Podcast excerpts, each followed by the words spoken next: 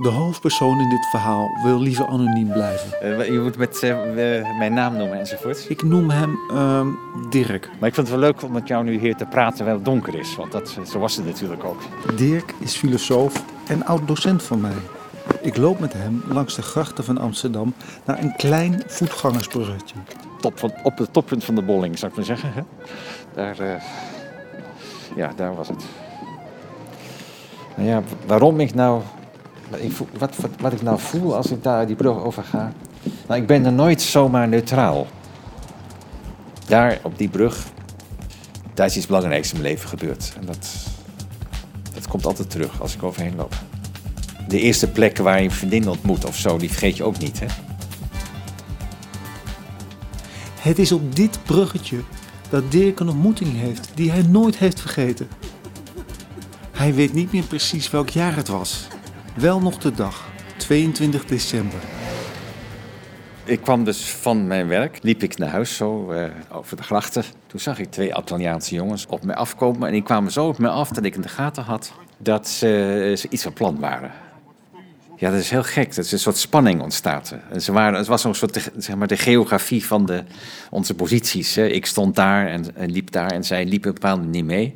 En ja, op die voetgangersbrug ging, hielden ze mij dus staan. Hè. Ja, en toen pakte hij zo en er kwam er zoiets zo hier tegen mijn borst. Een uh, pistool. Wordt er niks gezegd? Nee, er werd niks gezegd. Ik begon eigenlijk te praten. Ik zei, uh, dit zal jullie wel om, om mijn geld te doen zijn. Hè? Zoiets zei ik tegen hen. Sorry. En dat, uh, dat, dat bleek natuurlijk ook zo te zijn. En al die tijd stond dus het pistool dus op mijn borst gericht. Maar dat, ik was niet angstig, nee. Ik weet niet waarom. Dat, dat, dat kan ik niet verklaren. Dat was gewoon zo. Hè? Dirk wordt van 100 euro beroofd. Vier biljetten. Eén van 10, twee van 20 en één van 50. Als de overval klaar is, staan ze in stilte tegenover elkaar. Dus het probleem is dat je daar zo staat met z'n drieën. En hoe, wie gaat nou het eerste weg? Zij ging niet weg. Dus ik, ik, wou, ik wou niet uh, zomaar weglopen en dat ze in mijn rug uh, achter niet kon zien wat ze deden.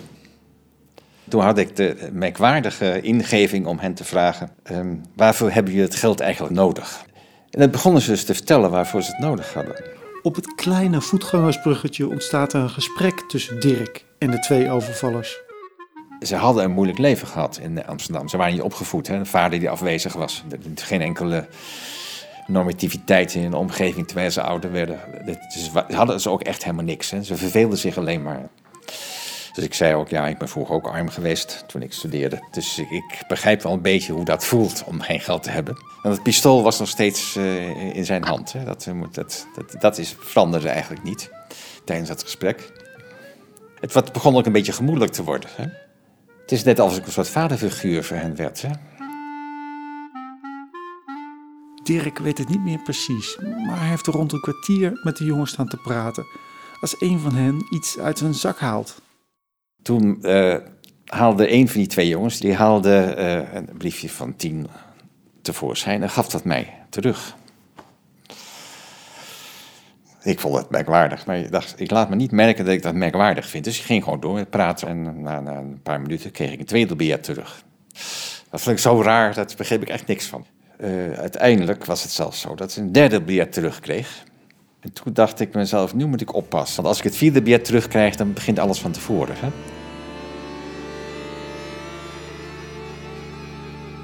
Waarom geven de overvallers geld terug? Waren ze zo ontregeld door de actie van Dirk dat ze vergaten wat ze aan het doen waren? Of hadden ze medelijden? Hoe werkt zoiets? Ik ga op zoek, maar het lukt me niet om de twee jongens op te sporen. Via Humanitas, een nieuwe start, kom ik in contact met een ex-straatovervaller. Dan zit ik te denken van, moet ik mijn naam noemen, omdat het dan daar... Hij wil ook anoniem blijven. Ik noem hem Reggie. Ik ben benieuwd en vraag of hij ooit wel eens geld heeft teruggegeven. Ik, kijk, weet je, kijk, ik, ik ben best wel een gevoelige jongen. Diegene gewoon met mij zou gaan praten, dan zou ik gewoon met hem kunnen praten. Gewoon van, oké, oké, ja, nee, cool, check hier. We splitten jouw geld. weet je, we splitten jouw geld. Hier heb je een beetje. Ik zou misschien zelf vragen, wat moet je nog sigaretten halen? Of moet je met de, met, de, met, met de trein of zo? Moet je nu met de trein naar huis toe of zo? Hoeveel moet je hebben?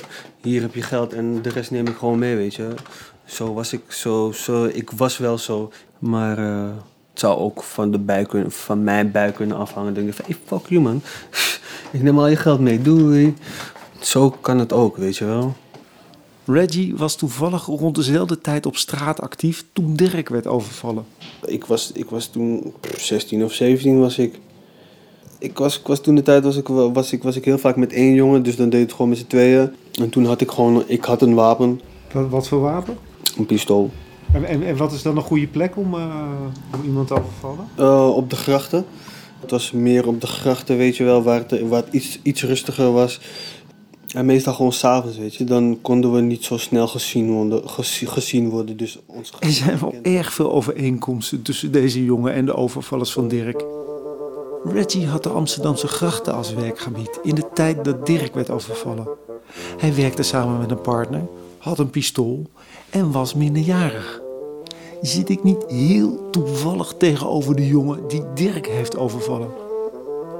Maar Reggie kan zich geen goed gesprek met een filosoof herinneren. Ik heb, ik heb nooit iemand meegemaakt die wat, verder, die wat verder in gesprek ging. Nee.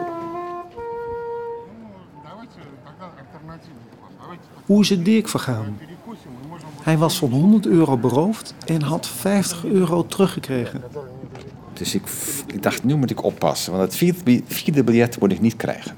Dan gaan ze me overvallen, dan gaan ze alle biljetten weer afpakken. Dus ik zei tegen, nou, dat het een leuk gesprek was. En gaf hem de hand. En zei ik, eh, laat jullie laatste 50 euro maar zitten. En ben toen weggelopen. Thuis aangekomen doet Dirk aangifte. Niet veel later worden de twee jongens opgepakt. Toen hebben we zitten nadenken wat nou eigenlijk gebeurd was. Want het is een hele rare gebeurtenis. Hè? De meeste mensen krijgen geen geld terug als ze overvallen worden. Ik had eigenlijk het gevoel dat er een sfeer ontstond van wij arme mensen in Amsterdam. Uitgespuugd door de maatschappij, hè, de samenleving. Eh, dat wij een, een soort solidariteit met mij ontstond. Van ik was ook iemand die arm was. Hè? Ze deden alsof ze met mij datgene deelden wat ze met ja, wat ze net hadden gewonnen, zou ik maar zeggen. hè. Ik hoorde bij hen. Voor eventjes, in een raar moment was Dirk tegelijkertijd slachtoffer en deel van een bende. Ik ben achteraf nog wel gevraagd door een paar vrienden of ik me niet schuldig gevoeld had dat ik ze toch heb aangegeven. Is dat zo? Nee, nee. Ik vind ook dat het recht zijn beloop moet hebben. Je moet toch nog steeds de hoop hebben dat ze door veroordeeld te worden in een soort instelling terecht te komen waarin ze verder opgevoed worden, dat dat hun leven kan verbeteren. Ik weet niet wat er van de twee overvallers is geworden. Of zij na de gevangenis hun leven hebben gebeterd. Van Reggie weet ik dat het vreemd kan lopen. Reggie heeft een paar keer vastgezeten en heeft hulp gezocht om uit de criminaliteit te komen. Nu vertelt hij zijn verhalen op scholen en zingt opera. Samen met 30 andere jongens zoals hij, ex-criminelen, ex-daklozen. Allemaal jongens van de straat.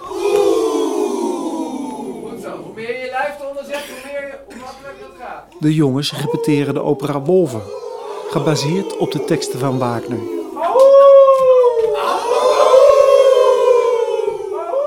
Wat filosoof Dirk bereikte met een goed gesprek lijkt op wat regisseur Charles Hans bereikt met zijn opera.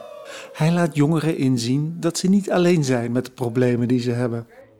Pauze, goed gewerkt jongens. Ja, ergens merk ik wel dat het hen misschien troost of, of raakt. Of in ieder geval, het doet wel iets met ze dat datgene wat zij tegenkomen in het leven, dat dat al in een, in een soort van episch meesterwerk van 150 jaar oud ook al bestaat. Thematiek van de opera is een moeizame vader-zoon relatie. Net zoals de overvallers van Dirk zijn veel van deze straatjongens opgegroeid zonder vader. Dat geldt ook voor Reggie. Ik heb mijn eigen vader wel gekend, maar eh, niet zoals. eh, eh, hoe moet ik- het uitleggen? Ja, hij was er niet zoals mijn moeder. Weet je wel? Dat Dirk zich zo goed uit de overval wist te redden, komt misschien doordat ook hij weet wat het betekent om zonder bescherming op te groeien.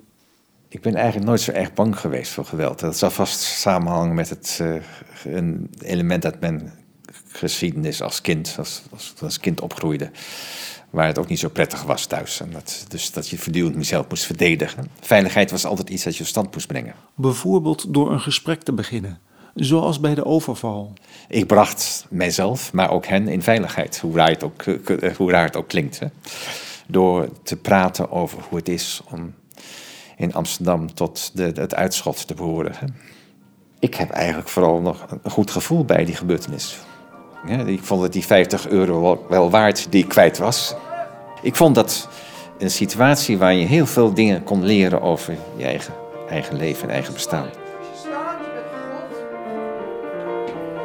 Weg des Wortes, Lichter vor Sohnes hell.